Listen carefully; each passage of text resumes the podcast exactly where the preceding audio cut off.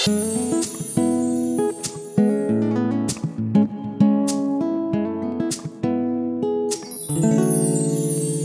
hai, balik lagi di podcast Sati yang sekarang sudah berada di episode ke-20 di mana episode kali ini adalah episode terakhir untuk season 1 kami.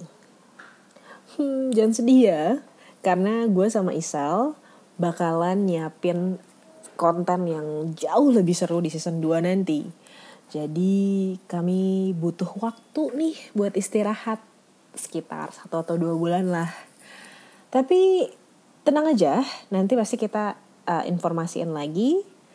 Jadi jangan lupa untuk follow Instagram Sati yaitu @thisissati atau um, kunjungin website kami di www.thisissati.com atau kalian bisa juga reach kami di line bisnis atau WhatsApp bisnis yang kontaknya ada di Instagram.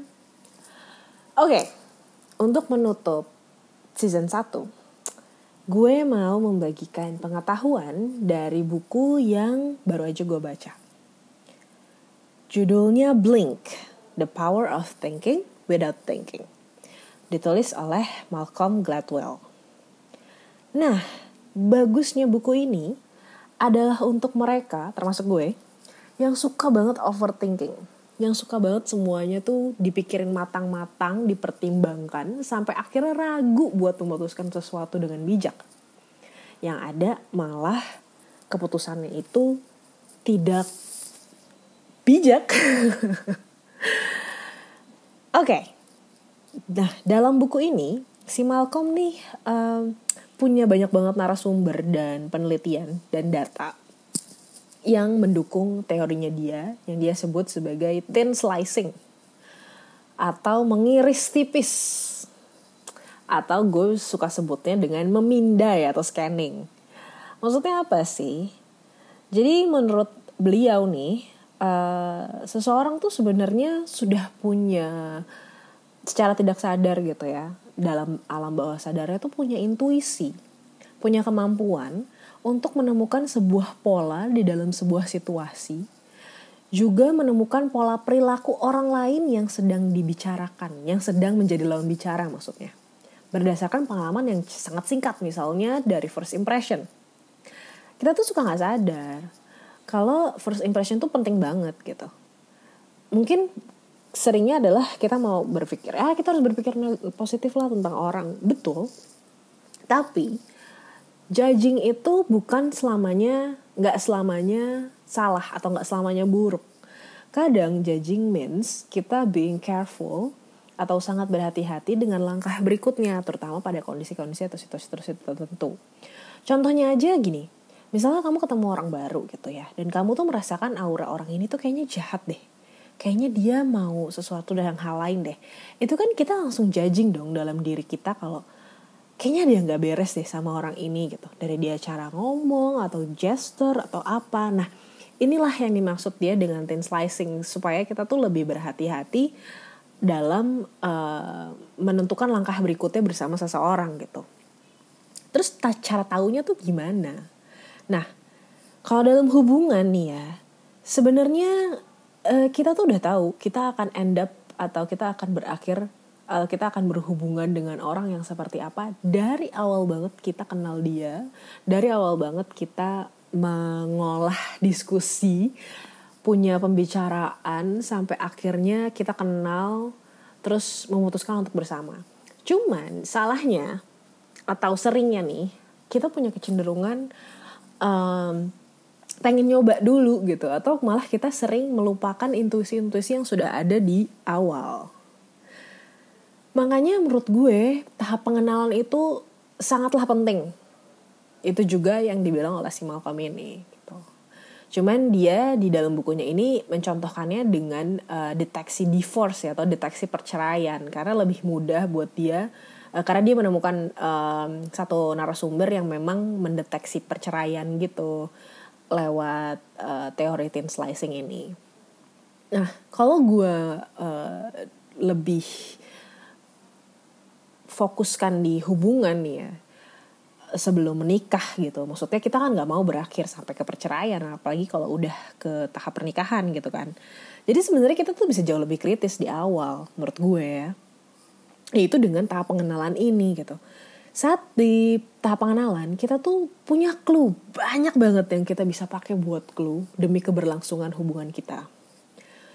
Contohnya nih, uh, saat lagi dating pertama contohnya. Misalnya kalian kenalan orang baru terus atau dikenalin teman habis itu ketemulah uh, kopi darat gitu ya.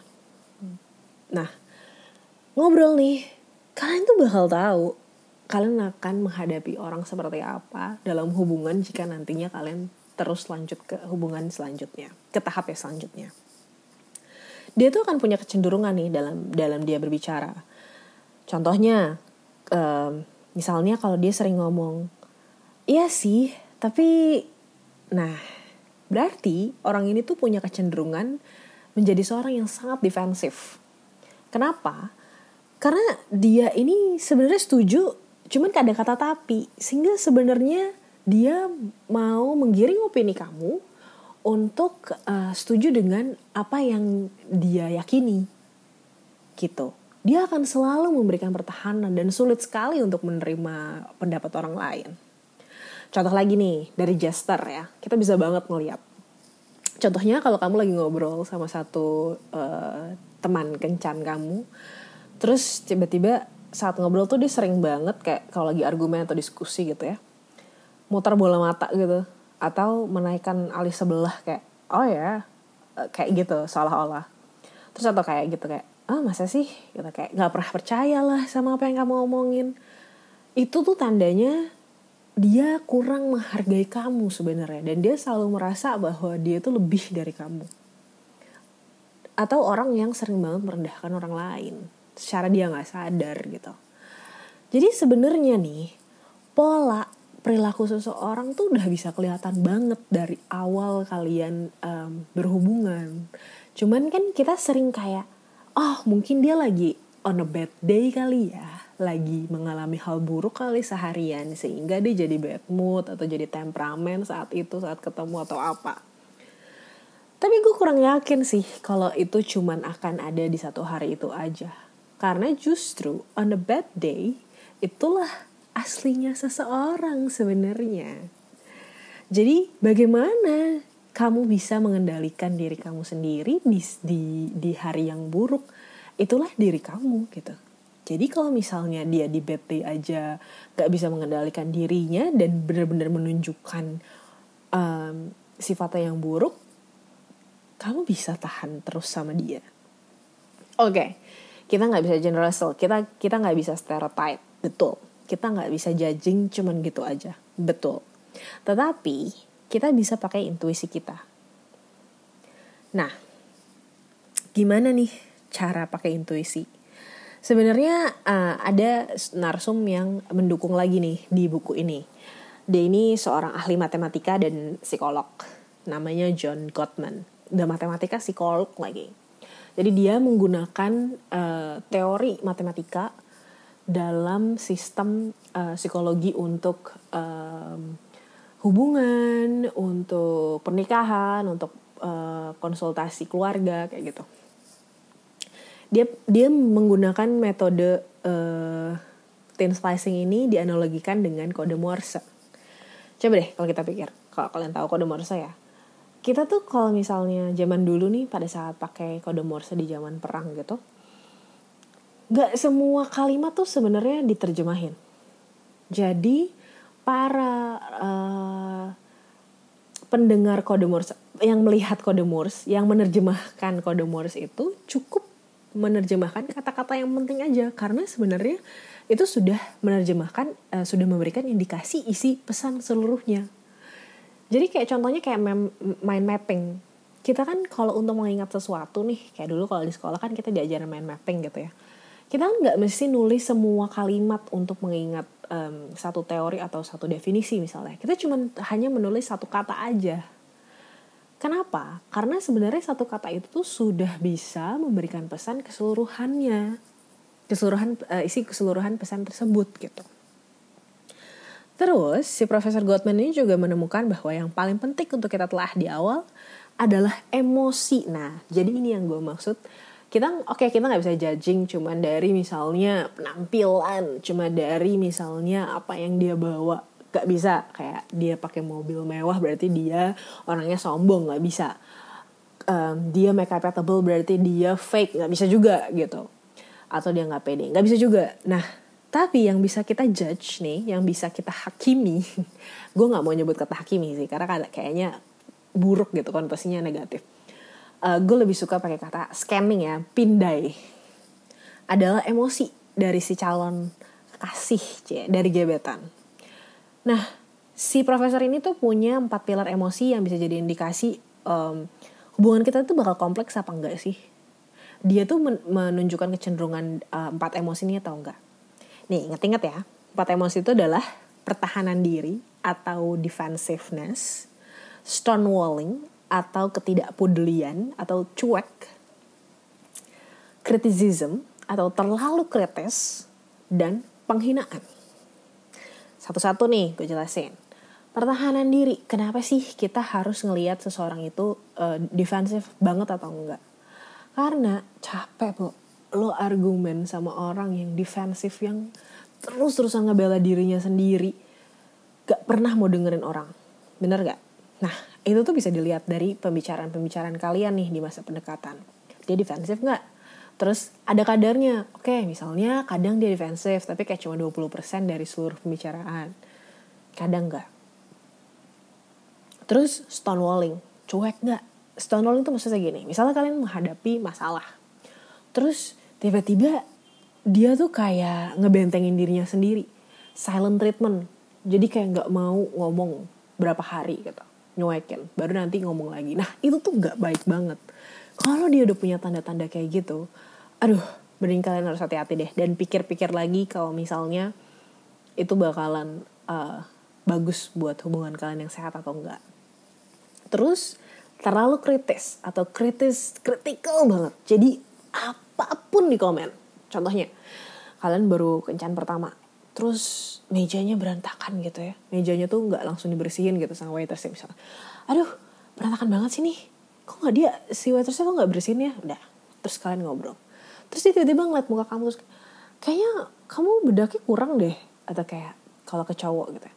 Um, kamu perlu ya pakai gelnya banyak banget gitu. Nah, Oke, sekali nggak apa-apa, dua kali nggak apa, tiga kali nggak apa-apa, empat, lima, enam sampai sepuluh kali atau setiap menit terus dia tuh kritik terus. Capek kali ya. Hmm. Jadi bedain kritis sama uh, komentar. Nggak bedain komentar sama kritis berlebihan. Karena kalau terlalu kritis perlu banget sih kritis. Tapi biarin kalau mau kritis di ranah politik aja lah. Gak usah terlalu berlebihan di hubungan. Capek kalau apa pun tuh dikritik sama sama pasangan. Nah dan yakin banget sih gue yakin banget itu nggak akan pernah sehat. Dan itu nggak akan pernah berujung ke kebahagiaan.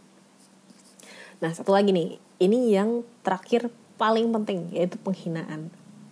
Sebenarnya ini katanya gue terjemahin sih secara literal. Karena sebenarnya kata adalah konten penghinaan atau sebenarnya uh, tidak menghargai kurangnya penghargaan pada pasangan.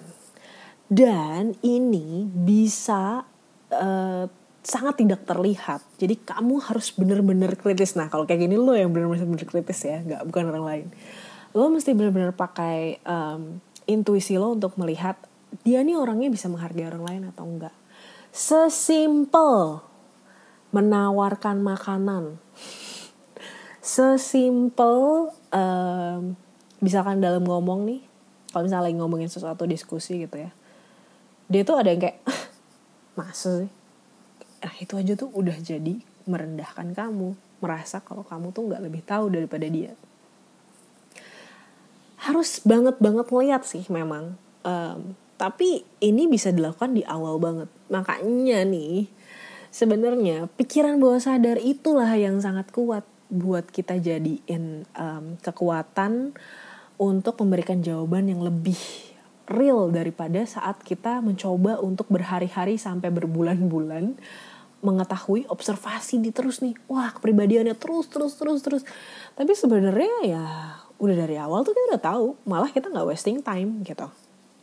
Nah kadang kita bisa nyebutnya juga intuisi yang tadi gue bilang gitu ya um, gue yakin banget setiap orang tuh punya intuisi dan suara hati gitu. kalau science punya hati nurani. Di mana kita tuh jarang banget ngedengerin. Karena kita lebih sering ngedengerin pikiran sadar. Kita sering banget ngedengerin um, apa namanya yang tidak terlihat yang terlihat aja sorry bukan yang tidak terlihat gitu kayak misalnya karena dia ganteng gitu ya dan karena dia pinter banget gitu tapi kita lupa nih sama sisi sisi emosional tadi gitu yang sebenarnya udah terlihat banget dari awal cuman kita mau mengesampingkan cuman karena anjrit nih orang tuh udah masuk banget kriteria gue Oops, kriteria lo cuma dari eksterior doang pasti. Kebanyakan gitu. Eksterior tuh apa? Semua yang terlihat, termasuk misalnya dia baik. Baik itu menurut gue sangat-sangat general, sangat-sangat umum. Semua orang tuh baik kalau dia nggak melakukan kriminal menurut gue. Jadi, um, suara hati lah sebenarnya tuh yang bisa ngebantu gitu. Nah, praktek mendengarkan suara hati itu yang bisa membantu kita lebih um, kritis dalam menilai seseorang bukannya judging ya atau bukannya critical about someone's uh, behavior gitu. Cuman yang tadi gue bilang sebenarnya ini bisa kita pakai untuk mem mempersenjatai diri kita supaya nggak tercemplung atau nggak uh, ketemu sama orang-orang yang sebenarnya punya niat jahat atau sebenarnya punya niat yang cuma main-main aja sama kita gitu. Jadi kita harus lebih look deep inside him or her gitu. Jadi sebenarnya thin slicing tuh bukan berarti kita menghakimi orang. Dari pertama kali ketemu aja tapi kita membuat diri kita lebih hati-hati pada seorang nih gue ulang nih ya nah kita harus tetap memperlakukannya dengan baik tapi kita bisa langsung menentukan sebenarnya di awal apakah perlu nih melanjutkan hubungan ke tahap selanjutnya atau tidak dari first impression aja coba deh coba gali dari sehari aja atau dari beberapa jam aja kalian ngobrol. Gimana? Mau dicoba? Ingetin ya yang tadi, kalau misalnya lo kelewatan, ulang lagi ya podcast yang ini ya, buat tahu kriteria emosi apa aja sih yang perlu kalian garis bawahi dan hati-hati dan lihat banget dalam seseorang sebelum menentukan tahap selanjutnya. Oke, okay. puas? Enggak? baca aja sendiri kalau belum puas nanti ada uh, kita kasih hadiah nggak ya c uh, beli aja murah kok nggak mahal. Uh, judulnya Blink. By the author of The Tipping Point The Power of Thinking Without Thinking by Malcolm Gladwell. Kalau mau tahu lebih lanjut, lebih dalam, mempelajari lebih dalam, baca bukunya aja. Nih tadi gue hanya membantu kalian untuk membuka sedikit pengetahuan tentang thin slicing atau um, memindai perilaku seseorang atau kondisi di kali pertama supaya kalian lebih berhati-hati. Begitu. Oke, okay, um, I'm saying goodbye now. Sampai ketemu lagi satu atau dua bulan ke depan. gue pasti bakal kangen banget nih, gue sama Isal tentunya ya. Tapi jangan khawatir, kami masih terus ada di social media, kami masih terus ada di website. Jadi kalau yang mau nyapa, say hi. Bisa juga di bisnis line atau di WhatsApp bisnis. Jangan ragu-ragu buat cerita. Sampai ketemu lagi. Bye.